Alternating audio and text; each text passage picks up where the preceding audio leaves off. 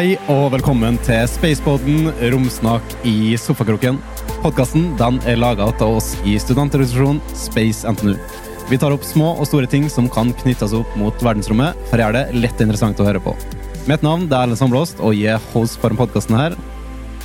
Og i dag så sitter vi her i studio med tre andre nerder. Eh, utgangspunktet for podkasten her var rett og slett at eh, vi på Vitensenteret hadde en lønningspils, og den lønningspilsen endte rett og slett i en ufattelig interessant eh, samtale om alt mulig rart. Eh, og med det som grunnlag så hadde vi en liten sånn eh, smålig diskusjon om at vi kunne dratt det her til podkaststudio og tatt det opp.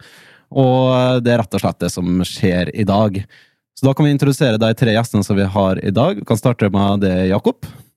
Ja, jeg eh, heter Jakob og har eh, for så vidt på meg veldig mange ulike hatter. Jeg er eh, nestleder i Space NTNU, og per dags dato så får vi se hvordan det endrer seg til neste uke når vi har generalforsamling. Jeg er en masterstudent i astrofysikk, og så er jeg også en planetarieguide på planetariet på Vitensenteret. Svein Erling? Ja. Jeg er utstillingsdesigner på Vitensenteret. Driver med plansjer og ja, modeller og har innreda butikken og forskjellige sånne ting. Og så har jeg en bakgrunn som industridesigner.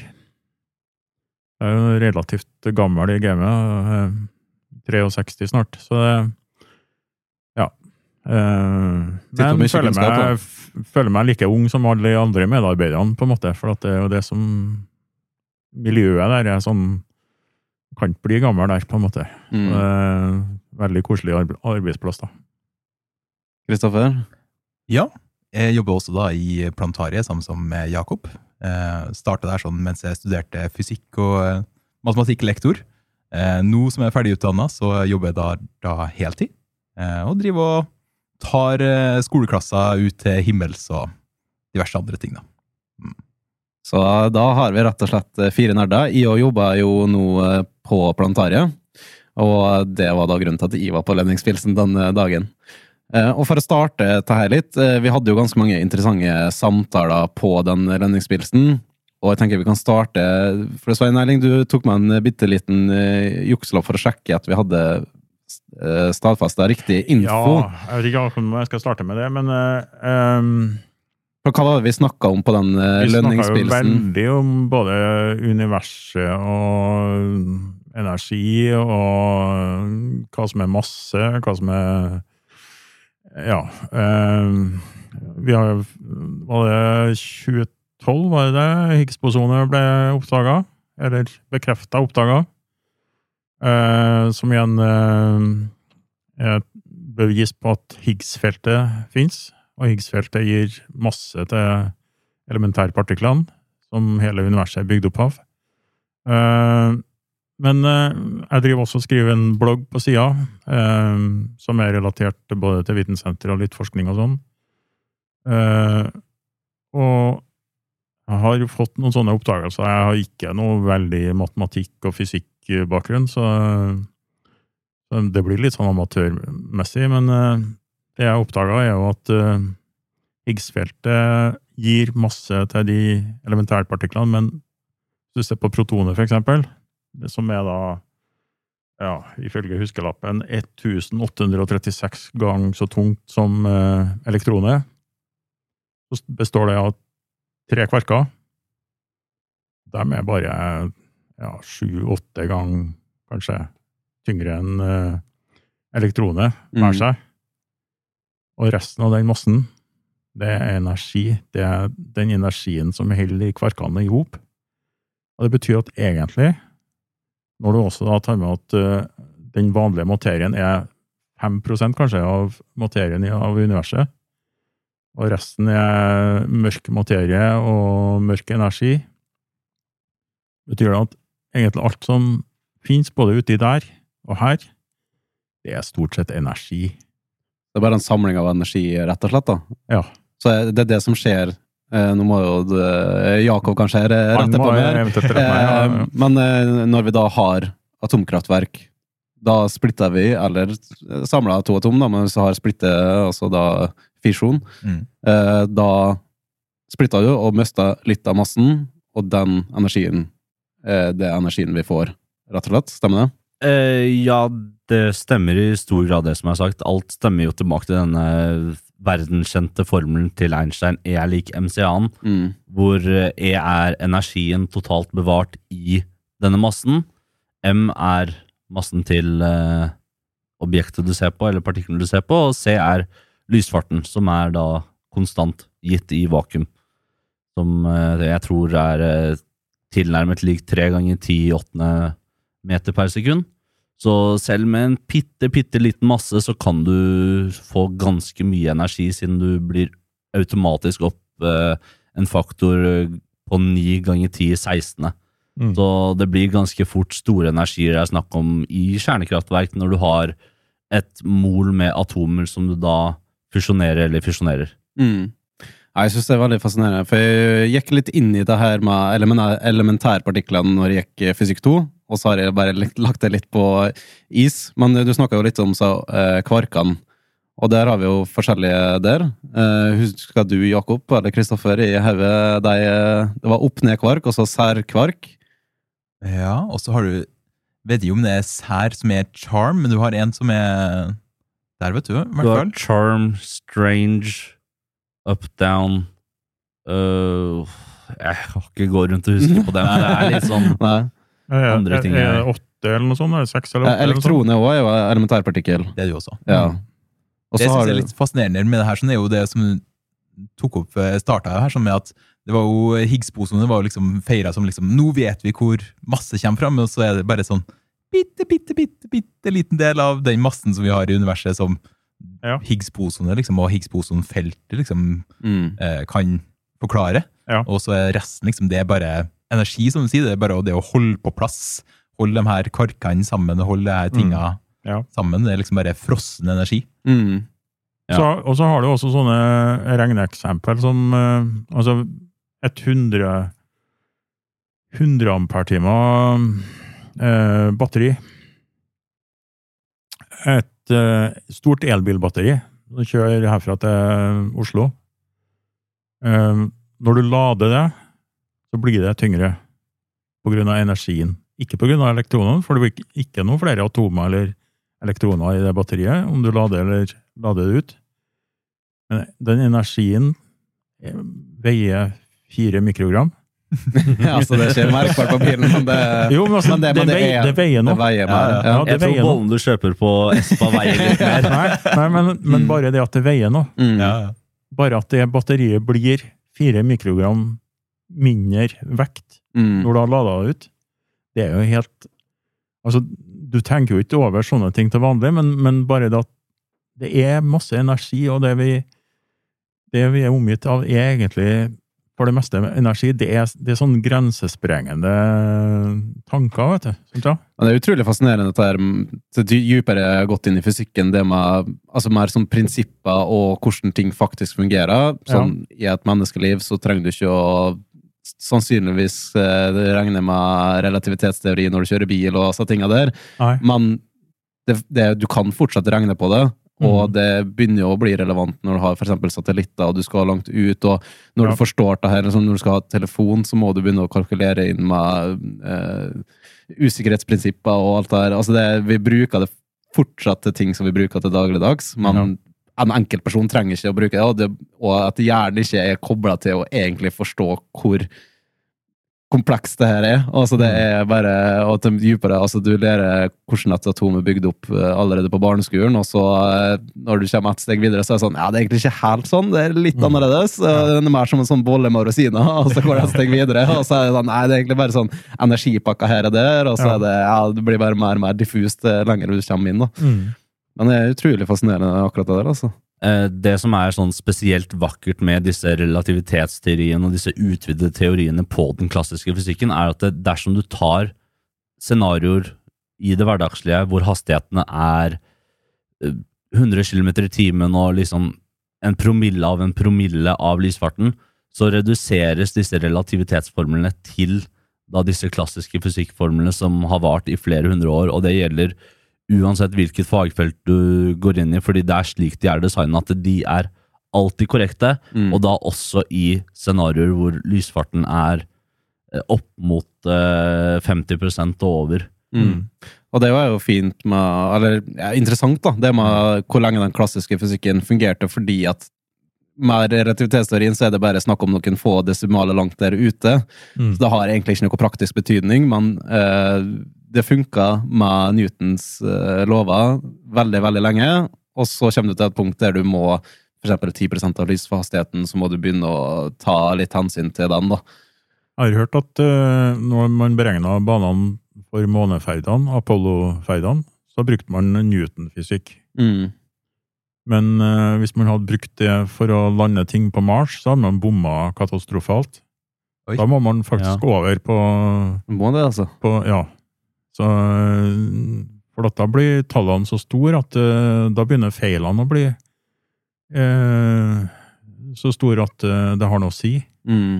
Det tar jo litt tid å komme seg bort til Mars, og da blir det liksom Ja, ja. Bomme med noen promiller der, sånn, så er det liksom Fire dagers reise til månen og seks måneders reise til Mars, det er, det er en viss forskjell. altså. Og det Ja. er fole fascinerende, dette der med Bare solsystemet vårt er relativt veldig lite, Ja. Men bare til ytterste del av vårt eget solsystem så begynner vi å slite enormt med eh, bare hvor begrensende lyshastigheten er. Og Ja. der kan vi jo, hvis vi begynner å trekke inn livet i bildet, eh, så er det jo det å kommunisere med våre egne roboter og sånne ting. Altså, du har kanskje ni minutter til Mars, da Mm. med et signal, og så Ja. tar det ni minutter tilbake igjen, og så er det hvor utrolig begrensende det er når vi har det raskeste mulige kommunikasjonsmiddelet er lysets hastighet. Så er det sånn, ja, det er ufattelig hvor begrensende bare det setter oss tilbake når vi skal kanskje etter hvert da begynne å ekspedisjone utover. da. Og jeg tror ikke at eh, de, de som ikke studerer dette her, har en sånn generell forståelse over hvor stort verdensrommet faktisk er. Mm. Fordi på alle skolebøker man eh, har opp gjennom tidene, så er det jo sånn at eh, jorda og månen eller hele solsystemet blir klemt sammen på samme side i læringsboka. Men hadde det vært to scale, så kunne du ikke sett noe som helst. For hvis vi setter at jorden er på størrelsen av knyttneven min, så vil liksom den nærmeste stjerne være borte i siden din, nesten. Mm. Det er såpass eh, store distanser, eh, eller i hvert fall eh, ned til Roma, så du må liksom fly med et fly og laste ned en film og se på Viaplay og hele pakka før du faktisk kommer eh, ned til nærmeste stjerne. Jeg har fått mange sånne wow-opplevelser. Du tenker på sola når du snakker om nærmeste stjerne? Eh, ikke nei, jeg mente faktisk eh, Centarion A, er det ikke da? Eh, Nærmest. Alfa Proxima. Proxima. Ja, ja, Alfa Proxima, selvfølgelig. Men det er jo det der med Ja, du får mange sånne aha-opplevelser når du går inn i fysikk, i hvert fall har jeg fått det. Mm, ja. Og det med avstand er jo en av dem. Jeg er så ufattelig. Og det, hjerne, menneskehjernen er jo ikke laga for å oppfatte både tidsrom, når vi snakker om milliarder av år siden og sånne ting. Du sier det, men du forstår det egentlig ikke, selv om du tror du forstår det. Mm. Men det med Ja, det er, altså det er så langt sånn, Jeg husker at han tegnet, læreren vår en gang tegna jorda på tavla, og så skulle vi opp og tegne hvor vi trodde månen var, både hvor stor månen var i forhold, og hvor langt unna den var. da. Mm. Og så hadde man vilje da tegna jorda såpass stor at du måtte ut fra tavla, så vi sto og tegna ganske nærme jorda, da, og så Mm. begynte han å gå bortover med krittet i handa, og så gikk han litt forbi tavla, og så åpna han døra, og så gikk han ut av klasserommet, og så han sørka her, ville da, og så var det mandarin eller et eller annet størrelse, da. Og bare det til månen, som er det nærmeste objektet vårt, da, er, er så langt unna. Det, ja, det Og eneste andre plassen vi mennesker har faktisk satt vår fot, liksom, og vi faktisk utforska liksom, Mm. sjøl. Jeg vil teknisk sett argumentere for at vi har satt vår fot på Mars og i form av roboter.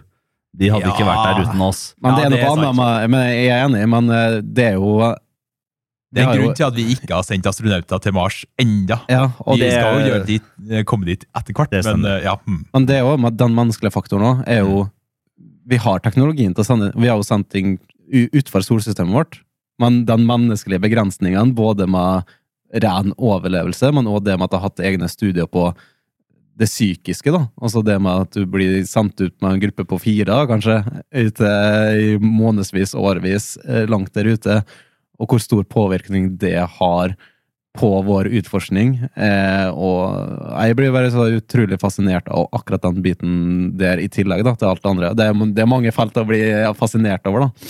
E- Egentlig har vi vel ikke kommet ut av solsystemet ennå, men Vi har jo vi har eh, kommet utafor helopausen.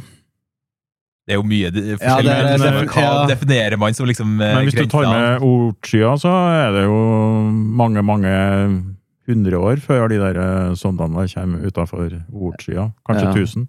Ja, for da må jo definere For da, er da definisjonen der at du ikke lenger blir dratt av vår sol, men en annen sol? Eller er definisjonen da utfor For jeg, jeg tenkte mest utfor Neptun, da, men du Ja. har jo et godt poeng der. At eh, Da eksploderer jo liksom eh, Pluto og alt det her sånn til å være utafor vårt Ja. Så det, ja. Mm.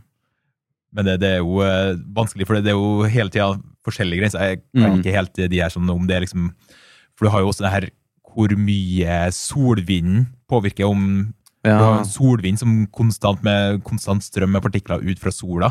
Og så vil også fra andre strømmer Du er litt sånn på tynn is, da, men eh, andre strømmer fra andre stjerner fra andre plasser. Eh, sånn at jeg tror om en av de her grensene, om det er heliopausen eller ikke, at er den plassen hvor den her solstrømmen da blir, har, får såpass mye motstrøm fra andre plasser at det liksom stagnerer der. da. Ja, det, det er heliopausen. Ja, Men er, er det godt, godt definert hvor solsystemet vårt eh, stopper? Og så er det en enighet, eller er det lærdes det strides? Nei, som sagt, det er jo det er flere grenser, på en måte. da. Ja. Du kan si at uh, helopausen er slutter en plass utafor uh, Kuiperbeltet, som er det innerste beltet med isplaneter og, og um, kort, kortperiodiske kometer. Hva som definerer helopausen, da? Uh, ja, det, det er så langt som eh, solas uh, eh, Solstormer og magnetfelt og sånn eh, påvirker omgivelsene. Ja. Så uh, utafor der så blir det på en måte et interstallert eh, rom, men, men, eh, men så har du jo den der hvor de langperiodiske kometene kommer fra, som er den Oortskya, som vi ikke helt vet om eksisterer, men vi tror det. Eh, Den er jo aldri påvist. Eh, Men eh, mye tyder på at den finnes, da. Og den er, ligger ca. et lysår unna sola, på det maksimale. Når du kommer utafor der, da begynner vi virkelig å komme ut til det interstellare rommet. Da. Da er vi virkelig på gang. Da, er vi, Ja. da er vi virkelig langt ut. da er det virkelig. Ja, da er Det er vel to eller tre lysår til den nærmeste stjernen. Jeg tror det er 4,2 er det? rundt her sånn. Ja. Ja. Men det er jo også det her med grenser, liksom du spurte om eh, hva er liksom grensen der. Bare grensa, Hvor starter verdensrommet? ja, Hvor slutter jorda sin del, og hvor starter verdensrommet? Det, det er vel satt grense der sånn på 100 kilometer. Ja, 100 km. ja. Det er jo liksom Okay. Det er ganske fint tall, da. Ja, veldig, veldig mistenkelig fint tall. Så det er jo bare satt for å være et fint tall. Ja. Eh, og så passer passer sånn Ja, for det, det blir jo bare gradvis mindre og mindre atmosfære, og så Ja. på et tidspunkt så må du jo sette en grense der. Men det er jo eksponentielt, da. Er det ikke det? Jo, det er ganske raskt avtakende, Mm. men uh, det er jo slik at uh, i nesten alle scenarioer i hele universet så er det alltid kontinuitet. Mm. Så det er vanskelig å sette liksom et binært skille på noe som helst. Mm. Du kan sette det på 50% eller på 10% eller på det selv du velger, og derfor er vi mennesker sånn at vi liker å operere i tid, i hvert fall Mm. alle unntatt amerikanere. eh, så vi velger bare fine tall som jo har en viss forståelse om at hvis det er over her, så er det ganske greit å holde seg i bane og den type ting. Mm. Men eh, hvor mange eh, prosent av atmosfæren vår skulle du si? Altså eh, i tetthet, er det over 100 km, vet du det? I hodet? Nei. Nei. Ja, det har ikke det Tar det. Da skipper vi det. Da må du bruke Google, Ja, da må du bruke Google. Men altså, bare det bare 100 km er jo innmari langt ut. Men eh, innenlandsfly flyr jo i 10 km høyde. Mm. Så de flyr jo faktisk en tiendedel av høyden opp til det som da regnes som grensa til verdensrommet. Så det, det er ikke så innmari langt ut, egentlig. Nei, Jeg husker jeg, når jeg var liten, så så jeg opp på skyene, og så så jeg på stjernene og tenkte på det som de to ledda, på en måte. Skjønte at skyene kom før eh, stjernene, eh, men eh, akkurat distansen var litt sånn Ja, skyene er høyt oppe, og stjernene er høyt oppe. Og sånn har nok menneskeheten tenkt på det lenge. Ja. Men utrolig fascinerende altså når du trekker, Jeg elsker jo det i planetariet, å vise hvor tett atmosfæren vår ligger på jorda. Ja. Mm. Det er så tett på. Altså Ja. det er, du, du ser det jo nesten ikke. Det er et sånn kjempetynt lag. Altså det, det er jo rundt eh, skallet til et eple i rela, Ja, re- relativt sett. da. Ja. Mm. Og det er og der er liksom alt av menneskelig ferdsel og alt av vær og vind og Mm. regn og alt vi kjenner til og er trygt. Og det er liksom Når du trekker det ut, da, så er det Ja. nesten ingenting. Altså Det Ja. føles så skjørt ut. Det er helt utrolig. Ja. Den avstanden opp liksom til tynne, tynne delen av atmosfæren, den har ikke vært store avstand egentlig å kjøre til bil, liksom, hvis man hadde klart å ha en bil som Kjørte rett opp, ja. rett oppover. Mm. Ja, og Oslo-Trondheim er jo 300-400 km, så det hadde vært en tredjedel av det, liksom. Ja. ja, det er liksom en uh, liten kveldstur, det. Så er det oppå der. Ja, jeg tror det er samme distanse som Oslo-Fredrikstad, for eksempel. Mm. Jeg har jo tenkt mye på det her med avstander i verdensrommet, og sånt, og spesielt når vi flyr rundt i plantaret, som vi, eh, vi gjør på Vitensenteret. Mm. For der er det jo mye Der jukser vi jo mye, for at når vi flyr av gårde og som en liksom, liten lettspøk bort til sola, liksom, Mm. så gjør jo vi det på en sånn 10-20 sekunder. Mm. Mens hvis man skulle gjort det i noe som helst realistisk hastighet, så sjøl hvis vi begrensa oss til lyshastigheten, så skulle det tatt hva, Åtte minutter. minutter. Ja.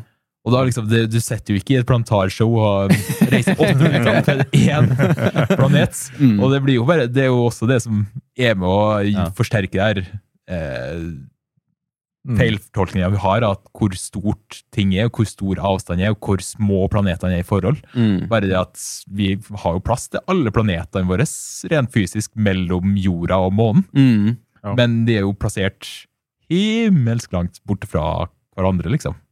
Ja. Eh, så det, det er vanskelig å skal formidle her med verdensrommet Uten Og- eh, ja, uten å jukse, liksom. Mm. Det blir fort Ja, litt uh, juksing her. Mm. Ja, jeg merker veldig det selv når jeg er i plantaret, og når vi zoomer utover fra jorda til sola til Pluto, Neptun, og så ut av vårt eget solsystem, og så ut av vår egen galakse, og så ut av vår egen galaksesamling, og helt ut til det observerbare universet, så er det en ganske sånn fin og gradvis akselerasjon ut i hastighet Mm. eh, som man merker, som er ganske behagelig å se på, man får litt forståelse. Men når du da skal tilbake, Mm. som vi ikke viser publikum, så merker du at du, du går veldig fort, og så ser du ikke engang vår egen galakse, fordi du går i såpass eh, eh, høye hastigheter at det er flere millioner lysår per sekund, så 100 000 lysår eh, går forbi sånn Mm. at du får ikke tid til å begrepe hvor mye vi faktisk tukler med virkeligheten i det Ja, planetariet. altså, Mm. altså må du jo ha den her eh, eksponentielle utfarten. Altså sånn Mm. fra jorda Ja, ja. ut til solsystemet, og så ut til galaksen, og så ut til alle disse galaksene som vi har, eh, eh, kan visualisere der. da. Mm. Hvis du skulle da gått til hastigheten som vi bruker fra jorda til sola, for eksempel, da, ut til bare galaksen, til Melkeveien, så har det tatt uh, timevis sikkert. Ja. Sett en time bare for liksom den avslutninga der. Sånn, ja, det, Ja, men det, og det er jo sånn, sjøl om jeg føler at de vet, på en måte, at det er store avstander, så klarer jeg jo uansett ikke Samme alle de der videoene som viser hvor rik den rikeste personen er sammenlignet med en vanlig person, så får du det er så stort at det er bare På et visst punkt så er bare gjerne sånn Ja, ta det er gigantisk. Mm. Uh, hadde jo en sånn video som viste så her eh, sola vår sammenlignet med en storstjerne, sammenlignet med supernova, og så ble det bare større og større, og så fikk du så og så mange stjerner som Og det var sånn Til slutt så ser du ikke sola. ja, det, og samme er jo som du sier, så bøkene. Hvis du skulle ha hatt da, det bildet til skala i, på en skolebok eh, med solsystemet vårt, da du ser jo ingenting. Da. sånn en liten eh, flekk der som er jorda. mm. Og eh, samme er jo at du har Merkur, Venus, jorda, Mars, som er ganske tett på eh, sola relativt. Og så kommer Neptun, da, i hvert fall det er helt ute der, som er ufattelig langt unna. Det finnes noen nettsider hvor du kan eh, legge inn eh, en størrelse. La oss si at du legger inn sola som en stor melon på 30 cm. Mm. Og da finner du at eh, jorda er 12 meter unna og størrelsen med ert. sant ja? Ja. Og så Ja. finner du ut at det er et lite sandkorn ved siden av eh, en håndbredde unna der, det er månen. sant ja? Mm. Og, så, og da kan du skalere hele solsystemet, og du kan jo eh, med sånne kalkulatorer legge inn f.eks. de nærmeste stjernene. da. Mm. Og så kan du få ut f.eks. lyshastigheten. Hvor stor er lyshastigheten i en sånn modell? Og sånn. Mm. Og sånne, sånne ting, da blir det litt mer sånn Det er sånne kjente begreper. Tolv meter kan jo være en lengden på en normal bybuss. Sant, ja? Eh, man får, får noen slags sånne begreper om at det er Det er faktisk ganske mye luft. Eller tomrom, da. Mm. Jeg Ja, vi sier jo luft, da, men eh, det er tomrom som der imellom. Lu- Skulle jo bare gått den eh, øvelsen og bare få gått ut Ja. av lengden liksom, i det her Ja. simulerte verdensrommet. Jeg har av og til vurdert om du skulle lage en sånn modell i hele vitensenteret, Ja. men selv med den målestokken så blir det ingenting igjen. Nei, det er akkurat det. Og samme er jo, Hvis du skal simulere til en gåavstand, Ja. så blir jo jorda og månen blir jo så Ja. små at det er jo Ja. helt ufattelig. Jeg vet at de har en sånn type modell oppe på Andøya, hvor de har da solen på størrelse med en appelsin festet på veggen på Andøya Space Center, og så er du da plassert i planetene i riktig rekkefølge utover, og så har du jorda som er ti meter unna, og så har du Mars som er eh, 15-ish, og så må du faktisk kjøre hele veien til tuppen til Andenes før du kommer til Neptun. Mm. Og så er det sånn, ja, hvor er nærmeste stjerne? Jo, den er nede i Roma. Mm. Jeg tror ikke de har faktisk satt opp en der, men hvis du skal følge den skalaen Mm. utover, så må du faktisk eh, bruke hele planeten vår for å demonstrere disse store avstandene. Mm. Og sjøl med der også, så har, lyger man jo også fortsatt litt. For at eh, der også så tar du liksom alle planetene på linje, liksom. Du Ja. går fra sola, så går du én retning, så har du Merkur, som om planetene bare følger hverandre på perlekjede. Mm. Men de er jo, visse jo rundt omkring og er kanskje på sånn her linje én gang i million år. Ja. Et eller annet sånt der. Men det er, det, det er akkurat det millionåret vi velger. Ja. akkurat den tida. Hvor du da, på grunn av at de faktisk skriver og går rundt i bane, så dere har kanskje hørt om det her òg, men at vi, den planeten som vi, vi er oftest nærmest ja, den er er Merkur. Merkur, ja. ikke sant? Mm. Ja. Fordi at den går såpass fort rundt sola, sånn at den er liksom oftest nærmere I snitt Nærmere, så er de ja. nærmest Mm. alle planetene. For at de alle planetene er også ofte liksom på andre sida av sola. Altså, ja. ja. Ja. Mm. Mm. Så det er liksom eh, Hva det er sjøl for Jeg tror sjøl for Jupiter, liksom, som er Jeg, jeg, jeg, jeg tror det gjaldt alle planetene. Ja. planetene, Fordi at den var Du får at den er ja, Den er nærmest sola, rett og slett. Ja? Det, men det er utrolig fascinerende. Jeg da Jeg prøvde en gang på planetariet å demonstrere det med for jeg, jeg tror folk flest egentlig ikke tenker over det. Altså Mm. Det med mm, hva du ser på nattehimmelen, det er fordi at sola er på den sida, og så er planetene må da være på motsatt side for oss i forhold til sola og så tinga der. Mm. Prøvde å visualisere det på en god måte, sånn Da fikk han sånn Ja, det gir jo mening. mm. Uh, Men uh, det var, hadde jeg ikke øvd inn så foregodt, altså jeg fikk bare sånn kjapt eh, demonstrert det. Men det var veldig kult å bare Jeg husker jeg satt lenge når jeg var liten, med å simulere det med hvorfor månen hadde de forskjellige fasene. Mm. For jeg, jeg skjønte jo det at det var halvmåne, det, det, det, og at det, det Men så var det liksom sånn Først så tenkte jeg at sola Nei, at jorda dekte til månen. Eh, Starta jo der. Men da ga det ikke mening når det var den delen, lille delen som var mørk. Så måtte jeg begynne å tenke, da, og så eh, begynte det å knake opp i hodet mitt etter hvert. Og, og da begynte jeg å forstå at ja, hvorfor en måned tar en måned, og et år tar et år, og en dag tar en dag. og Mm. alle sånne ting der. Og samme, jeg har kjent mange som fortsatt tenker at sol, er det når eh, sola er oppe, da er ikke månen oppe. Mm. Mm. Men det stammer jo da til at ofte er jo da månen i sluttfasen når den er nærme sola, eller liksom på den sida av sola i forhold til oss. Ja. Ja. Og så er det jo alle så her tegneseriene viser jo at sola er oppe, og så går sola ned, og så kommer månen opp, og jeg tror det Ja. er med litt på effekten, da. Det står òg i Bibelen at uh, månen skulle være nattens lys. Så, Ja. Uh, ja. Det har fulgt med oss veldig lenge, tror jeg. Så det er jo liksom sånn ting når du ikke setter ned og bevisst tenker på det, så du satte jo ikke ned når du er på jobb og bare sånn er det, jeg kunne gjort det, men eh, er det liksom sånn Mm. At det tar litt tid på en måte for folk å faktisk få den der klikken. da, At en måned er en måned, og hva er Mm. hva du ser på nattehimmelen, og hvor de er i bane rundt jorda, og hvorfor det har tatt menneskeheten så lang tid å forstå at sola er i sentrum, og at ikke jorda er det. For når du ser på nattehimmelen i løpet av en kveld, så, eller i løpet av et liv òg, for så vidt, Ja. Det gir mening. Det føles naturlig. Altså, det Mm. er på nattehimmelen, det går på en måte rundt oss fordi vi snurrer. og Det, det skal, du skal kalkulere ganske lenge før du begynner å forstå at eh, banene ikke stemmer helt overens. på en måte. Mm. Men hvis du tar for eksempel dette ikoniske bildet av en måned, sånn halvmåne-type ting, så er det veldig viktig å presisere at du ser faktisk hele månen, egentlig. Mm. Ja. Den er bare ikke belyst. Og i veldig mange barnebøker og bøker og medier og sånne type ting, så gjør eh, ofte disse ja, ansvarlige feil i den settingen ved at de har denne fine, store halvmånen, men så legger de stjerner over, månen, den mørke siden av månen. Ja. Så disse lyser og disse stjernene går da tvers gjennom månen, skulle vi fullført sirkelen. Ja. Eh, og hver gang jeg ser deg, så jeg tenker jeg sånn Der har det ikke vært en eh, astronom som var eh, illustrator bak disse bildene. Og så er det folk som kommer med unnskyldning. Ja, men det er gravitational lensing og sånne type ting. Og da sier jeg bare gå og legg deg, det skjer ikke med månen. Prøve å nerde det ut av Ja. Mm. Er det ikke Dreamworks da, som er den introen der han sitter på månen og så fisker Ja, over ja. eh, Så du sa at det er feil, det òg? Ja, det er, det er også ganske feil. Det, det er bare Dreamworks. Du har ingen uh, Det er vel et Sånn. av de arabiske landene sitt flagg òg, som faktisk har en sånn stjerne som Ja. er inni den der sigden av Mm. månen. Tunisia. Ja, det jeg. ja. Jeg må ikke få en hel nasjon mot det nå, Jakob. Det, det blir så skremmende. Mm. Ja, ja, det Jeg tror ikke jeg skal si mer. Jeg tror nok de er klar over det, men eh, ja.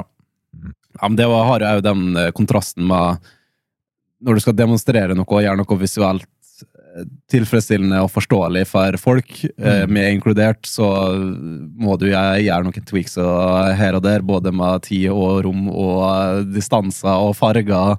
Mm. Bare det med at du Når du har bilder fra verdensrommet, så er det sånn Akkurat dette er infrarødt lys Ja. som mennesker ikke kan se. Da må vi legge på en farge. Så det, det er juksete bilde, men det er ekte. Og bare det å få folk sånn For noen blir det sånn at her er jo falskt. Du har jo lagt det etter redigert det, Mm. Mm. men du har jo redigert det på en måte sånn som det er, og liksom den biten der også er litt sånn vanskelig, for du må ta noen valg for Jeg å tror, jeg tror nok de hadde blitt veldig skuffa hvis du hadde vist dem det infrarøde bildet.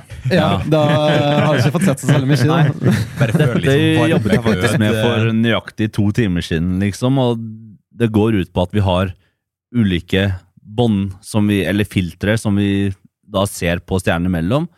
La oss si at vi har tre, og så tilegner vi da disse tre en egen farge basert på energinivået til de ulike båndene. Mm. Så det laveste energinivået blir det laveste på lysspekteret, midterst blir midterst, og høyeste blir høyest, og så skalerer vi det da sånn at det- det blir innenfor dette syltynne spekteret som vi faktisk klarer å se, og det er derfor vi ofte får disse bildene av X-ray og gamma og alle disse andre lysinformasjon som vi ellers ikke kunne Mm. betraktet. Men jeg husker at jeg fikk jo når jeg var liten og så på sånne bilder der, da. Så tenkte jeg sånn ah, For en kjedelig plass vi er på universet, da. Hvis jeg bare kunne reist ut der, så var det sånn det showet, liksom, av visuelt sett. Men vi hadde jo ikke kunne sett det på samme måten som vi ser på bilder, fordi at det er ja, infrarødt og gamma rays og på en annen skala. Pluss at eh, øynene våre er ikke like følsomme som de teleskopene som astronomene har. Sånt. Akkurat, ja. Altså, når, du, eh, når du sitter og stirrer med fattelig presisjonsteleskop og tar inn til informasjon på Vi skal på planetariet, vi viste jo ta bilde av den um, um, Carina-tåka, eller uh, nei, James Webb Space Telescope. av eh, svarte hålet, Ja. så Ja. ser det jo ganske dårlig ut, egentlig. Ja, ja. Rett og slett. Mm. Men det Altså, det er jo helt fantastisk, det bildet, egentlig. Altså, hvor mye Det var jo tatt informasjon fra flere teleskop over Ja. Jeg husker ikke hvor lenge de tok informasjon fra, om det var flere måneder, eller om det Begynte å ha såpass mye datamengde at den raskeste måten å få overført det her sånn, det var å sende en kar med en koffert med harddiskene og fly. Du kunne ikke overføre her over noe internett eller sånn, det var for stort. Ja. Og så prøver liksom, ja, for teleskoper over hele verden for å prøve å simulere liksom et teleskop samla sett, Mm. som er på størrelsen med en jordklode, liksom, en halv jordklode, for å Mm. få til liksom den her litt sånn rødaktig kaffeflekken, som det egentlig ser ut som. da. Og så slenger jeg på det CGI-bildet etterpå, og da er det sånn ah, det var okay. Det er et veldig finurlig triks det der å bruke hele jordas overflate som en uh, satellittantenne, egentlig. ja. Mm. Ja, det er utrolig fascinerende. Og som er der òg, må du begynne å kalkulere inn med det at jorda snurrer, eh, alt beveger seg, og du må pinpointe Den kalkulasjonen du må ha for at alle peker inn på riktig punkt for å få det fokus Altså Bare det å ta et vanlig bilde og sette fokuset rett, kan jo være vanskelig nok i seg sjøl.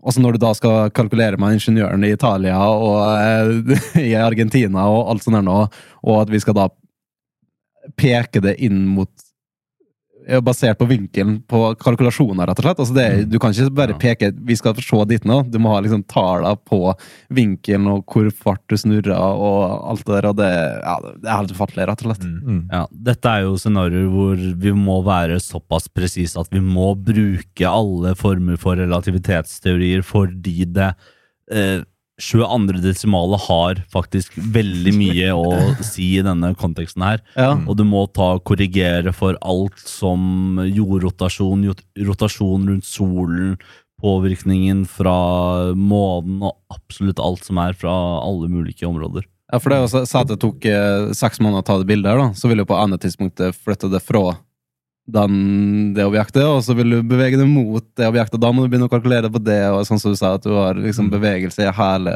opplegget. da. Mm. Ja, og noe av det vi ser på dette bildet, er jo at den ene siden er litt lysere enn den andre pga. redshift og sånn, og det må vi faktisk justere for jordas egen redshift fra å gå vekk i solbane til å gå frem i solbane. Mm. Det er liten, men det er nok til å liksom kunne skille på desimalpunktene. Mm. Det bildet er mer interessant enn kanskje folk flest tror. da, Meg inkludert når jeg så det første gang, så var det sånn Ja, det var ikke så kult, det bildet, liksom. Men eh, til mer jeg har funnet ut av det, så er jo Ja, det er helt ufattelig, rett og slett. Det er ekstremt mye fysikk som ligger bak et såpass enkelt og blurry bilde, og det er ganske høyt oppe over ting vi har oppnådd som sivilisasjon, vil jeg påstå, i hvert fall. Ja. Mm. Jeg syns det egentlig alt med det, det er jo en av de tingene som fascinerer meg så ufattelig mye med romfart generelt sett, er sånn Det skal så mange brikker på plass for at eh, ja, et vesen da, skal få til noe sånt som det her. Bare det at vi har satellitter, altså vi må ha forståelse for relativitetsteori, vi må ha fått forståelsen til å bygge raketter som er sterke nok, det med banehastighet for å, å holde seg i bane, Mm. Eh, det med, også det, det med samle signaler opp og ned i riktig hastighet. GPS det er, så, det er så mange brikker som skal på plass for at du skal få til en fungerende GPS, sånn at du skal gå på den vorset som du skal på. så du bare Ja, jeg skal dit, og så går du, og så Den kan liksom vite at du er i den gata som du er i, og at du går i den retninga. Mm. Og det er bare sånn Og- jeg har ikke kunnskapen til å skulle sette opp noe sånt her nå. Det må så mange mange smarte folk over så mange generasjoner og så mange breakthroughs for å få til den der GPS-en at det Ja. De starta jo med Newton-fysikk der òg. Mm. Eh, amerikanske forsvaret mente at det her skulle gå an å konstruere med Newton-fysikk. Eh, og de sendte jo faktisk opp de første satellittene basert på Newton-fysikk. Eh, men de hadde jo fått noen sånne råd, annet fra NASA, Mm. eh, om at de måtte legge inn en bremsing på den klokka som var om bord, og sånne ting. Mm. Og han sjefsingeniøren, uten å si noe til sine overordna, så hadde han lagt inn en bryter, sånn fjernstyrt bryter, for den klokka. Så når de første satellittene kom opp, så hadde de da en feilvisning på ja, rundt 12 km per døgn. Og så slo han over den bryteren, og så ble det nesten helt korrekt. Ja. Så alltid gjorde den endringa, da. Ja, Ja. ja. Så for hvis du ikke tar inn til effekt disse gravitasjonens påvirkning på tiden på disse satellittene, så bommer du med 10 km på jordas overflate. Mm. Og det er eh, ganske sykt. Og liksom Ja, for du har, du har både det at gravitasjonen påvirker det, og hastigheten du beveger det. Ja, hastigheten utgjør faktisk mye mindre enn en avstanden fra jorda eh, gra det eh, Gravitasjonseffekten. som er- gravitasjonen som er mest, Ja. fordi det ene vil senke tiden, og det andre vil uh, gjøre at tiden går litt raskere. Mm. Gravitasjonen vil senke tida. Så det, Mm. går, det går litt langsommere nedpå jorda enn innpå i de satellittene. Og det var jo sånn, ja. Eh, Det, ja nei, jeg blir bare evig fascinert. Mm. Ja, Eh, ja. Og apropos det, jeg så jo, med en kompis så jo så gamle James Bond-filmene, vet du. Og der har han jo eh, Vi tenkte jo ikke på det, for han har jo alt det high-tech-ting som egentlig ikke eksisterer. Og det her tror jeg var fra 60-tallet, eller noe sånt.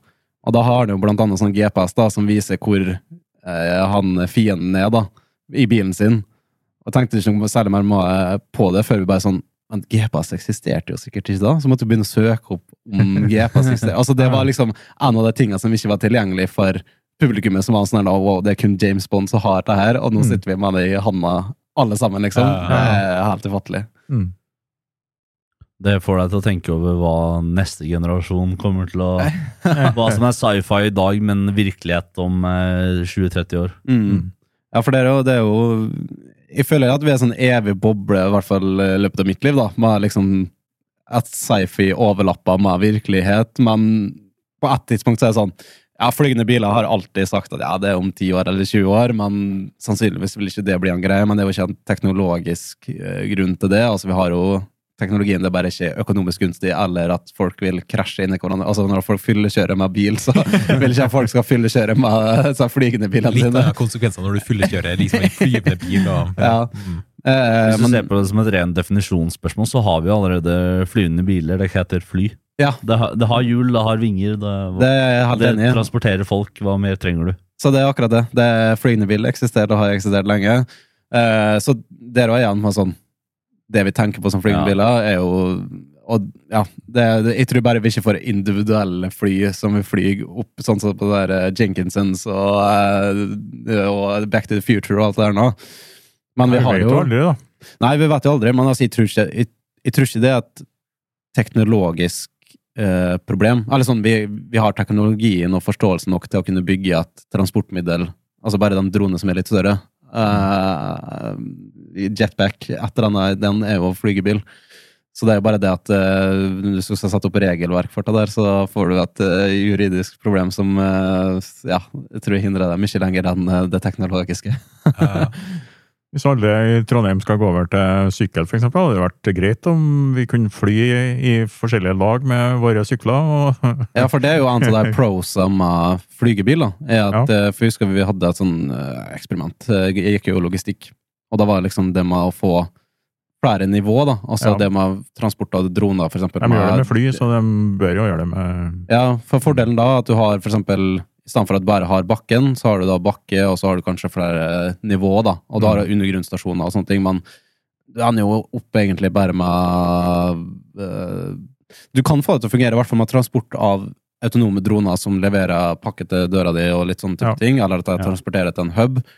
Men det oppstår andre problemer enn nødvendigvis bare det tekniske. Bare det at hvis det skulle oppstå et problem, så detter jeg ned på bakken, ned på huset ditt Ja. Ja. hva skjer da? Er det drona sin feil, er det bedriften sin feil, eller er det bare sånn som skjer? Eh, Mange sånne juridiske problemer som er mye Ja. større enn de teknologiske rent sett. da. Mm. Så, men det er å fra flere nivå er en av de hovedelementene. Men jeg tror uansett ikke at jeg ville hatt et eh, samfunn der enkeltpersoner Altså, jeg vurderer bare Ja, som sagt, vanlige folk i trafikken er skummelt nok. eh, Om vi skal Mm. ha folk til å fly Ja. i tillegg, så Den enklere Men, eh, løsningen er jo bare å gå for autonome biler, fordi Ja. da kan du redusere antall biler på veien med sånn ca. 90 mm, Fordi du trenger jo ikke bilen din når den bare står parkert der. mm. Så hvis den kan gå og kjøre noen andre når du ikke trenger den, og så kommer den til deg når du trenger den, så løser vi jo det om at det er vanvittig mye plass som brukes til parkeringsplasser og køer og alt som er. Mm. Så kommer vi jo en gang i framtida til tida hvor alle har sitt eget romskip også. Ja. Men Begynner å utforske og fly rundt omkring, og da bare sånn sett nesa rett mot Mars og bare tar liksom Sett på liksom motorene der sånn og gønner rett på til Mars. Mm. Eller kanskje ikke helt så enkelt. Eh, Man, Nei, det, eh, for det, det som er i sci-fi, da blir det liksom Vi har nådd det steget å komme oss ut i universet. Da er Mars like rundt hjørnet, på en måte, Ja. og Neptun er Men der kommer det at vi Det er mange steg på en måte dit, men Ja. det er jo det interessante det med en- Jeg tror du hoppet over et steg hvor romskipper blir ansett som fly. At eh, ja, vet du hva, jeg skal ta denne eh, oppskytningen eh, 12.30, så jeg må være på uh, oppskytningsplattformen kanskje to timer før. Var ikke det han rikingen som ikke møtte opp på denne oppskytinga? Jeg tror- det, Det, det, det, det, det var en liksom, sånn der når Nei, jeg har ikke tid til å bli med opp i verdensrommet. Her, sorry. Sånn. Ja, men jeg tror det var, det var, det var sånn tre stykker som skulle på det romskipet. Det var en sånn rik sønn, da. Mhm. Så faren var rik.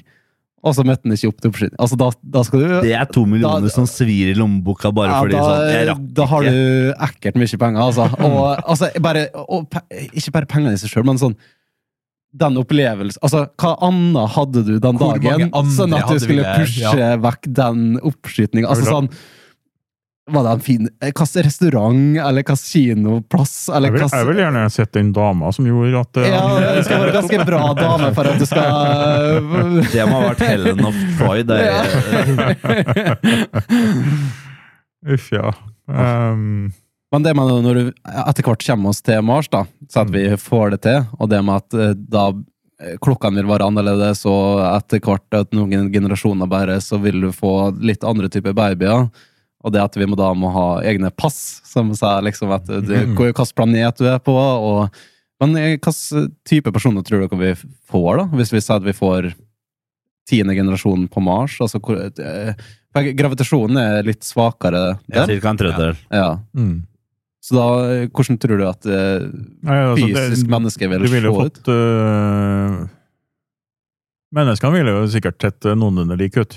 Altså, vi har jo ikke endra oss så innmari mye på 5000 år, eksempel. Det, det har ikke skjedd mye evolusjon på det. Nei, men så er vi jo Men- på, tipper vi, er, vi er på en plass Men- som er lik, da. Altså når vi Ja, blir eksponert men, men, for det, det. men det er klart øh, Hvis du vokser opp på, på Mars under så mye mindre gravitasjon, så får du jo svakere muskler og svakere beinbygning. Ja. Mm. Eh, og du, hvis du skal til jorda etterpå, da, etter at du har vokst opp på Mars, så er det ikke sikkert at du klarer å stå oppreist. Nei. Du må få deg et sånt exoskjelett når du skal på, på jorda. Sånn, så. Et Så sånt utvendig Mr. greie som Mr. ja, Universe Ja. muskelmasse vil fortsatt vare på jorda, da, sannsynligvis. Ja, ja, ja. Og hvis du vil følge ekstra sterk, så drar du fra jorda til Mars, Ja. og så bor bant de Ja. på Mars, og så kommer du med liksom jord, Eh, eh, jordmusklene dine. Men det er jo det som skjedde blant annet på månelandingen. At fordi gravitasjonen der er så svak, så kan man gå rundt og bære på 300 kilo hvert av utstyr i romdrakten, og det går tilsynelatende greit. Du må oppfinne et par nye gangteknikker og sånne type ting. Mm. Militærsekken jeg må gå med på eh, marsjing på Mars, er jo ufattelig stor, da kan jeg se for meg det. Ja. De hadde egentlig ikke lov å hoppe som kenguru på, på månen. På Apollo-ferdene. Ja. Men de gjorde det, for det var så gøy. Det var det beste argumentet jeg har hørt. Det. Jeg har gjort akkurat det samme. Altså, jeg har en drøm om å fare på til ISS bare sånn at jeg kan ta en sånn salto. Ja. Det er nok. Det er liksom Nei, men altså, argumentet for at de ikke ikke lov. fikk trenger ikke beholde deg til én, du kan sette en ny verdensrekord i Ja. antall Ja. Nei, men Argumentet for at de ikke fikk lov, var jo at hvis de falt over ende, mm, så var den romdrakten så umulig å røre seg i at du fikk ikke reist deg opp, mm. selv med den lille tyngdekraften. Så Derfor så hadde de egentlig ikke lov å hoppe som kenguru, men det var jo nærmest det første de gjorde. Sant? Det var jo å hoppe som kenguru. Så det, ja. Og det er jo artig du har liksom der topp på en måte peak menneskene, i hvert fall i USA på den tida. Altså, topp ja. ingeniørene, atletiske, og likevel så er det så barnslig. Altså, sånn der. Ja, ja, ja. Streng beskjed, du skal bare ikke hoppe. Ganske enkel beskjed. Ja. Altså, det er så artig. Ja.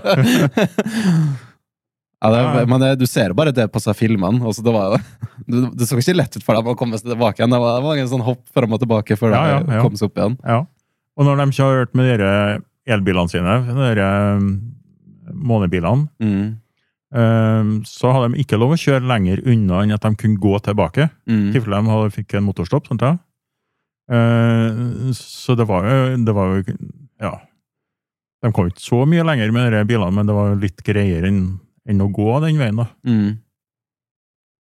Så De står for øvrig der fortsatt og er, har den strømmen som de hadde på slutten. For det er ikke sånn oppladbare. Det er sånn Ja, Engangsbruk. si sånn. Ja, så det, er- det er, alle som vil Mm. bruke dem, får lov å bruke dem. Men tror du det kommer til å bli et problem egentlig framover? Nå er jo sånn, vi la jo igjen mye etter romfart, bare de tolv turene eller hva det var, uh, når vi var der. Men tror du det kommer til å bli, så at det blir mer og mer tilgjengelig, men vi kommer ikke til å bo der sjøl? Så til slutt så blir det jo kaos da, når den første kolonien skal sette seg der, og det er alt mulig slags drit som de ikke får brukt. Med gammel teknologi og gamle roboter. og så Nei, jeg tror, tror Tror ikke det det til å bli et noe problem på samme måte Nei, som Romsø ble i dag? blir stort problem. Nei. Ikke Eh, på overflaten på andre planeter. Eh, Jeg ville heller se på det som en eh, mulighet, mm. så to speak. Eh, I filmen for eksempel The Martian, så skjer jo akkurat det at han blir uh, strandet på planeten, og så er han litt sånn Har jo det utstyret til det oppdraget han var på, men så kom han på at det var jo et oppdrag for 20, 20 år siden som landet eh, 100 km vest herfra, så hvis jeg bare går og henter det, så kan jeg utvide min koloni og opprette kommunikasjon og den type ting. Ja. Så jeg vil si at teknologien vi etterlater deg, er jo også en ressurs vi kan ta i bruk. Mm. Fordi ellers så vil jo må månen eller Mars sin overflate være ganske sånn fattig på ressurser. Ja. Så det alt vi bringer, vil ha en slags form for verdi. At du får brukt det, ja. Og hvis ikke, så har du jo ganske kule museum da, oppå der. Ja, ja, ja. Når du kan samle opp deg til Ja, de eh, merkene etter skosålene på månen, de står der til evig tid. Sant? Ja, det, Mm. Med mindre det kommer en meteoritt og Ja. slår ned, da. Det er liksom det eneste som kan fjerne de sporene. mm. Det ville ikke blitt litt sånn utviska av liksom, oppskytinga av når de skyter seg opp igjen? Jo, Kanskje litt sånn utviska. jo akkurat, der, akkurat der. Ja. Mm. Mm. Men det er ingenting andre som, annet Nei, som det har jo null atmosfære, null vind, null Mm. vær. Mm. Det er kun uh, asteroider. Kun- Kun Men, eh, eksterne problemer skal du sa, som kan ødelegge Ja. mm. Men hvis dere kunne valgt en eh, planet, da, uavhengig av hvor lang tid det tok å reise dit, hvilken planet ville dere da ha valgt? Basert på deres kunnskap nå. å reise til, liksom. ja, reise For å- til. Dere har reist dit på sekundet. Eh, Dere får pakke og alt sånt, nå, men eh, det tar ikke eh, 14 lysår å reise dit, liksom. Dere kan holde dere til solsystemet hvis dere vil, men eh, Eh, personlig eller for menneskeheten. jeg kan ta begge deler. Jeg starter med det sjøl. liten base på eh, Europa, eller noe sånt, sånn, med litt sånn eh, undervanns eh, Eller sånn ubåt, så du kan utforske litt havet der, og få liksom uh, flydd litt rundt på de ulike månedene i området og ha utsikt til Jupiter. Det tror jeg kunne vært ganske greit. Ja, for det, da får du veldig kult For det er jo kult sånn Det å se på månen er kult, men Mm. hvis du da er på en måne og ser ned på planeten, Mm. er jo mye kulere i det. Godt poeng. Og Europa i seg sjøl er jo ganske fascinerende å kunne Mm. Ja, godt uh, valg, det. Ja, hvis jeg skulle valgt for menneskeheten, så ville jeg nok sagt Mars. Mest fordi at det er planeten som er mest lik jorda. Så det er kanskje enklest å sette opp der, men også dette det vi har snakket om tidligere med avstander. Mm. At uh, hvis du skal sette opp en sivilisasjon et annet sted, så er det ganske viktig, føler jeg, at vi fortsatt har en jevn kommunikasjon Mm. mellom de to stedene hvis de ene trenger hjelp kontra det andre. Nyheter, informasjon. Hvis jeg drar til Mars, så kommer jo ikke hele familien min til å følge etter. Mm. Jeg kommer jo fortsatt til å elske dem, så det er jo veldig viktig å vite for meg hva som skjer der. Så å dra utenfor solsystemet vil være ganske upraktisk. Å måtte vente tre-fire år på meldinger, og så få svar på det. Ta seks år, liksom, på spørsmålet 'Har du giftet deg ennå?' Så har jo svaret endret seg på turen den informasjonen tar. mm. Eh, personlig så hadde jeg nok lent litt i samme retning som Kristoffer med en av månedene, kanskje Europa. Mm. Det er kult å si at jeg er født i Europa både der og besøkt Flytta fra Europa til Europa. Ja, flytta fra Europa til Europa. Så det hadde nok vært mitt personlige. Og så har du jo dette da i, til, i tillegg at du får denne vakre utsikten av planeten. Mm. Siden du står på månen og har denne store planeten på Kanskje horisonten. Pan, altså eh, på i Saturns ringer, og se ned på Saturn. Det kunne vært ganske kult.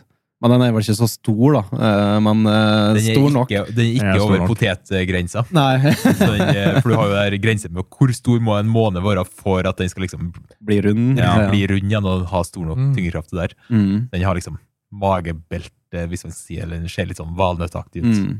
Ja, sånn ser jeg bruker å det i plantaret. Det ser litt ut som sånn du tenker en ufo ser ut. Ja. Det, Ja, da, var det kanskje bare meg igjen. Ehm, altså, det er jo den der reisetida på, eh, på du sier ett sekund.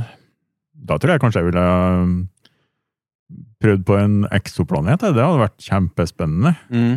Jeg mener, om det ikke kom så mye andre folk dit, så bare det å oppleve det, det må Mm. jo være helt fantastisk. Um, altså, jeg har spekulert litt på sånne ting. vi sier jo at jorda er den vakreste planeten vi vet av, og det er det jo for oss. Men det kan jo hende at hvis det var noen ja, fra en annen del av universet som besøkte jorda, så syntes de ja, det var en kjedelig planet Mm. i forhold til det vi har sett, sant ja? Uti der en plass. Mm. Der er det en virkelig vakker planet. Så det er liksom eh, Jeg har jo sånne fantasier at eh, jo, nei, det, det er ganske kjedelig på jorda i forhold til de virkelige vakre planetene ute i universet. Mm. Så det å komme på en sånn planet, da kunne jeg jo dødd der to dager etterpå, for at jeg hadde den opplevelsen. sant ja? Jeg tenker, altså bare det med antallet planeter der ute, Ja. så må det jo nesten være en finere planet enn jorda. Altså, vi har funnet godt over 4000 eksoplaneter, og det er bare innafor ja, Hvor langt, ute er det? Innafor kanskje 1000 uh, luseår, da. Uh, og det er Ja, det er helt sikkert noen vanvittig fantastiske planeter ute her. Som, ja, som Mm. vi antagelig aldri kommer til, da, men, men eh, det å liksom, i hvert fall i fantasien, ha dratt dit, det hadde vært helt suverent. Mm. Jeg tenker at eh, en eksplanet rundt et binært stjernesystem, det må nok være ganske eget å se disse to danse på himmelen om hverandre og den Ja. type ting. Og særlig hvis du får to ulike typer stjerner. La Mm. oss si at du får en pulsar eller eh, hvit stjerne ved siden av en rød kjempe, og den Ja. ene har accretion over til den andre og sånne ting. Da tror jeg det blir ganske spektak spektakulære scener på nattehimmelen. Mm. Jeg vet jo ikke noe om planetene som går i bane rundt disse her. Det kunne jo vært eh, Merkur eller en Jupiter eller gass eller ja, Ja. hva enn det er. Men bare det å se det på nattehimmelen tror jeg hadde vært eh, rimelig vakkert. Mm. Da også innenfor det synlige spekteret, ikke bare i disse X-ray og Nei, også, ja. altså En annen ting er at du hadde jo fått en annen stjernehimmel. Mm. Da? Ser, da ser du galaksen vår fra en annen synsvinkel. Du ser eh, Ja, Mm. du ser eh, Du ser ikke lenger Karlsvogna, kanskje, for at den er vridd og vrengt på. Sånt, for at eh, alle de stjernene ligger jo ikke på ett plan, de ligger jo litt sånn forskjellig plassert i, i rommet. Og det gjør jo alle de stjernebildene som vi er vant til. Så med en gang du kommer en annen plass i galaksen, så, så vil du ikke gjenkjenne mange av de stjernebildene. Nei, Men det er jo sånn ah, Ja, Hvis vi går litt tilbake til eh, det vi jobber som som plantarguide i der, så er det Mm. noe vi I hvert fall jeg alltid stopper opp for å vise dem. Mm. At når jeg zoomer ut forbi solsystemet vårt og går tre-fire lysår unna, Mm. så er eh, alle stjernetegnene ugjenkjennbare. Mm. Og da ber jeg dem prøve å finne Karlsvogna nå. Mm. Og det er eh, hakket vanskeligere, og, for det er jo ikke todimensjonale bilder som vi er kanskje vant til. Mm. Men det det derimot danner, er jo et veldig detaljert bilde på hvor jorda er. Mm. Mm. Fordi hvis du klarer å lage denne sirkulære eh, sfæren vi ser over oss om til et 2D-kart, og gir det til en eller annen smart sivilisasjon et annet sted, så kan de sikkert triangulere basert på disse strektegningene vi har tegnet hvor jorda er. Mm. Var ikke noe lignende de gjorde på Golden Record, da? At det, det var vel ikke basert på stjernetegna, men at det var Jeg husker ikke, det er lenge siden jeg, jeg gikk inn på det, men der dere hadde et slags kart på hvor vi var i universet og i hvert fall solsystemet, da. Ja, det stemte. Og så hadde de også en eh, illustrasjon over hvilken ferd denne Voyagers har tatt. Mm. Men de gjorde en liten tabbe og inkluderte en pil for å indikere hvilken retning den går. Mm. Og det er jo Veldig basert på jorda og vår sivilisasjon, og hvordan vi har brukt uh, pil- og bueredskaper for å jakte, og dermed har en veldig tydelig indikasjon på hvilken retning pilen drar. Mm. Og samme er at det kan misoppfattes med et gigantisk objekt som svirrer rundt i, eh, i solsystemet vårt. Men det, det, er jo igjen det med For en ufattelig vanskelig oppgave, det å kommunisere til en helt annen sivilisasjon. Og Mm. selv om du bare begrenser til det visuelle, Ja. så er det fortsatt at vi drar inn sånn piler og tegninger som er Det er jo laga for oss uansett om vi prøver og ikke gjør det. Så det, blir det Jeg tror faktisk FN har en avdeling øh, som øh, forbereder kommunikasjon med eventuelle besøkende. Altså Mm. eh, Universell Ja, altså prøve å tenke gjennom hva, hva er det slags kommunikasjon vi kan forvente oss. Mm. Og bare det med Det bruker jo hydrogenatomet til å visualisere Ja. tid og distanse der. Ja. Eh, og bare den tegninga går vi jo tilbake igjen til at vi har mange forklaringer på hvordan et atom ser ut. Og det da at du har en kjerne med en sirkel og at elektron kan jo misoppfattes fullstendig for en sivilisasjon som Ja. har eh, et helt annet bilde på hvordan et atom ser ut. da. Vi må nok antagelig starte med noe som er felles. Mm. Eh, Mm. og for eksempel primtall kunne Det vil antagelig være eh, felles i alle Men, som men det er jo hvordan visualiserer du et primtall? Hvis du skriver tretall, så vil du Nei, det, du, da må du skrive på en annen måte. Ja. Mm. Men der er det jo ja. Hydrogenatom er jo ypperlig Ja. å bruke som et felles språkelement, skulle jeg for at Ja. det, er- det er det enkleste atomet, og Mm. eh, det er kanskje sannsynligvis det første folk vil oppdage og være tilgjengelig. Men det å tegne den ned, eller liksom vise at det her er et hydrogenatom Du kan ikke Mm. skrive hydrogen, det funker jo ikke. Du kan ikke Uansett hvordan du tegner det, så vil det ha sine flås, da. Ja. Ja, men det her er jo hele komiteen som har satt seg ned lenge for å holde på. De sendte jo også ut et bilde av to mennesker, en mann og en dame, i Adams og Evas drakt. Mm. Og de vurderte å sende et bilde også hvor de holdt hender for å vise at vi er avhengige av hverandre og sånne type ting. Men de kunne ikke gjøre det, for det, det kunne misforstås som en organisme med to hoder, fire bein, Ja. to armer og en uh, connectende lem. Mm. Så det er liksom uh, veldig mange ting vi må ta hensyn til i den settingen, men vi må liksom bare basere oss på at de har kanskje de samme sansene som Mm. oss, at de kan se, at de kan skille ting uh, via lys, og, og de kan høre, og de kan føle. Men jeg syns det var litt fint, egentlig, med Det er jo litt sånn som når vi ser uh, arkeologiske ting, da. Så er jo dette objekter som ikke er designa for at vi skal finne det 1000 år eller 10 000 år etterpå. Det er bare egentlig for de rundt det. Nå er jo dette spesifikt laga for romvesen, da, men det viser fortsatt mer Det forteller noe om oss hvordan vi ønsker å presentere oss sjøl. Det sier noe om oss. Altså det at vi ønsker å ha et bilde av oss sjøl, mann og dame. Det at vi prøver å si hvor vi er, det sier òg noe om oss, eh, det òg. Og det jeg synes det er veldig artig, og det er jo at vi la inn, hvert fall på den Golden Record-bildet, sanger, forskjellige språk som sa hei, tror jeg. Eh, og at det er noe vi ønsker å formidle til dem. da. Eh, og òg det at vi er ganske visuelle og lydmessige kommunisatorer. skal si. Eller vi kommuniserer mye på den måten. da.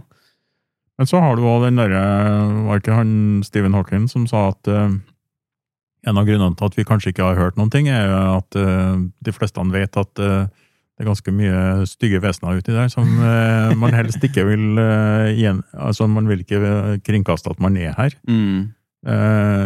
Så det er kanskje det som er grunnen til at vi ikke hører noen ting.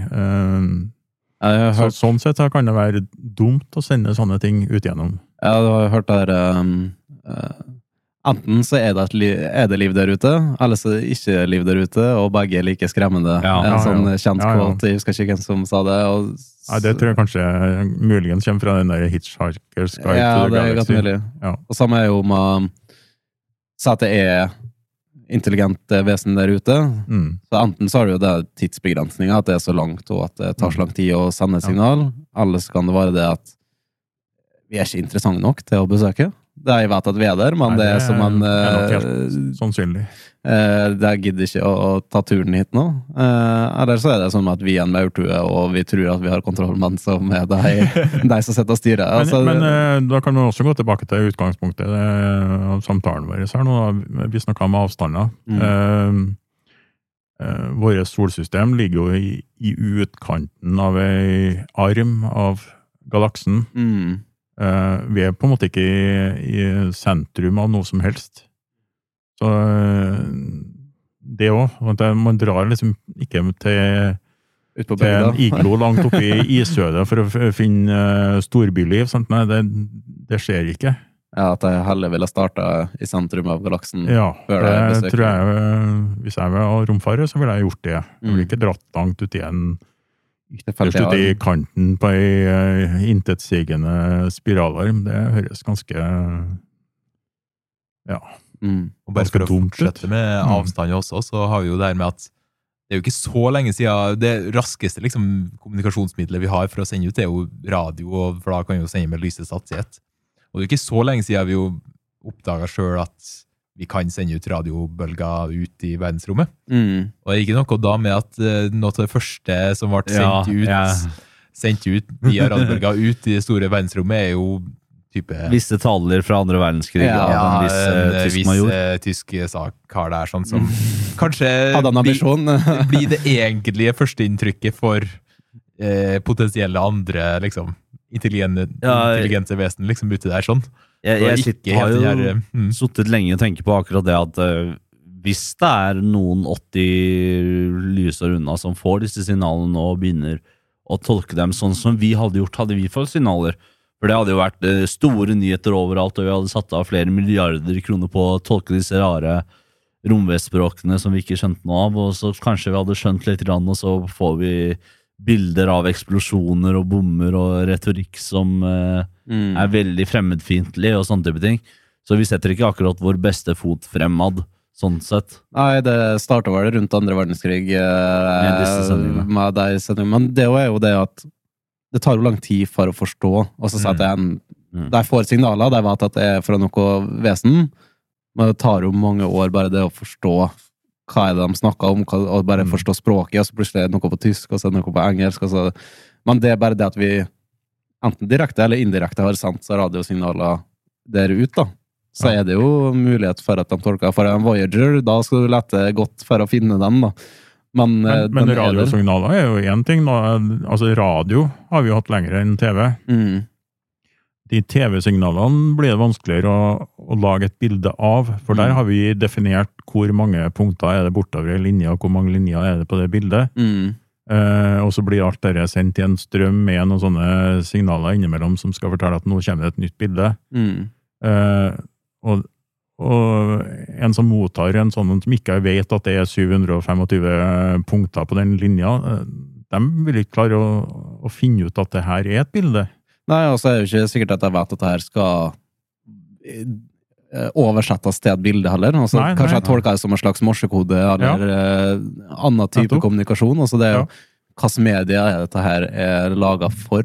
Ja. Og det er jo et problem som igjen Golden Record Radiosignaler vil være mye enklere å, å finne ut av, Mm. sånn sett, enn et TV-signal. Mm. Ja, vi kan jo bare håpe at eh, alle disse veldig tidlige utsendingene av radio, som også ble sendt ut i verdensrommet, er jo ikke sendt ut med tanken på Nei. å møte sivilisasjon.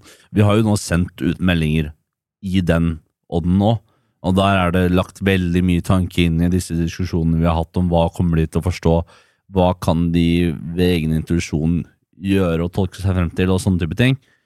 Så forhåpentligvis, så når de kommer frem til den sånn 50 år etter det første, så vet jeg at det, ok, det er faktisk noen som prøver å ta kontakt, og ikke bare noen som skriker 'her er vi, her er vi'. Men jeg synes det, er jo, det er jo på en måte våre steinaldertegninger, da. Altså det er jo Plutselig får du tunen og oversatt det til riktig måte, og så plutselig får du eh, radiosignaler fra P3, liksom. Eh, altså, liksom du, du, du, det her var ikke ment for å bli sendt ut til dem, men du får en forståelse av hvilke personer som er du hører. Ok, det her er sånn popmusikk, det er liksom de type personene, og de uh, hører mye på rock'n'roll. Men eh, der òg har vi jo den der greia på planetariet at vi kan faktisk vise hvor langt ut er det radiosignalene våre har Mm. nådd hittil. Og det er jo bare ei lita boble. Det er jo Mm. ikke, det er ikke veldig langt ut i Altså, de fleste stjernene som vi ser med det blotte øyet på, på stjernehimmelen, de har jo ikke fått de signalene ennå. Mm. Det- Men det det er også interessant det med at hvis vi en dag ikke slutta da, å sende ut disse radiosignaler, så vil det være en sånn bølge med Ja, ja. kanskje 80-100-150 år med Ja. radiosignaler, og så plutselig bare dabba det av, og så vil du aldri få de signalene igjen. Da vil det bare fortsette Ja. videre igjen. Men, Ja, ja. eh, ja det blir mm. Så Nei, men det uff.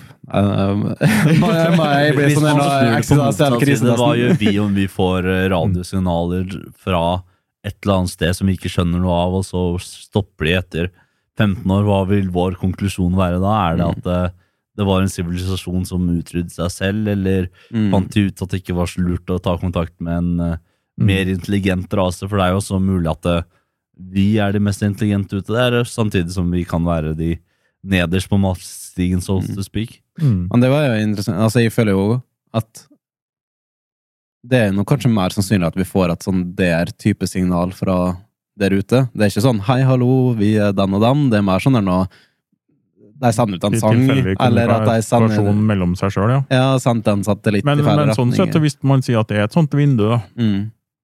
så kan det hende at det vinduet allerede har passert oss lenge før vi kunne motta det. Ja, for det er akkurat det jeg 150 år, da. Ja.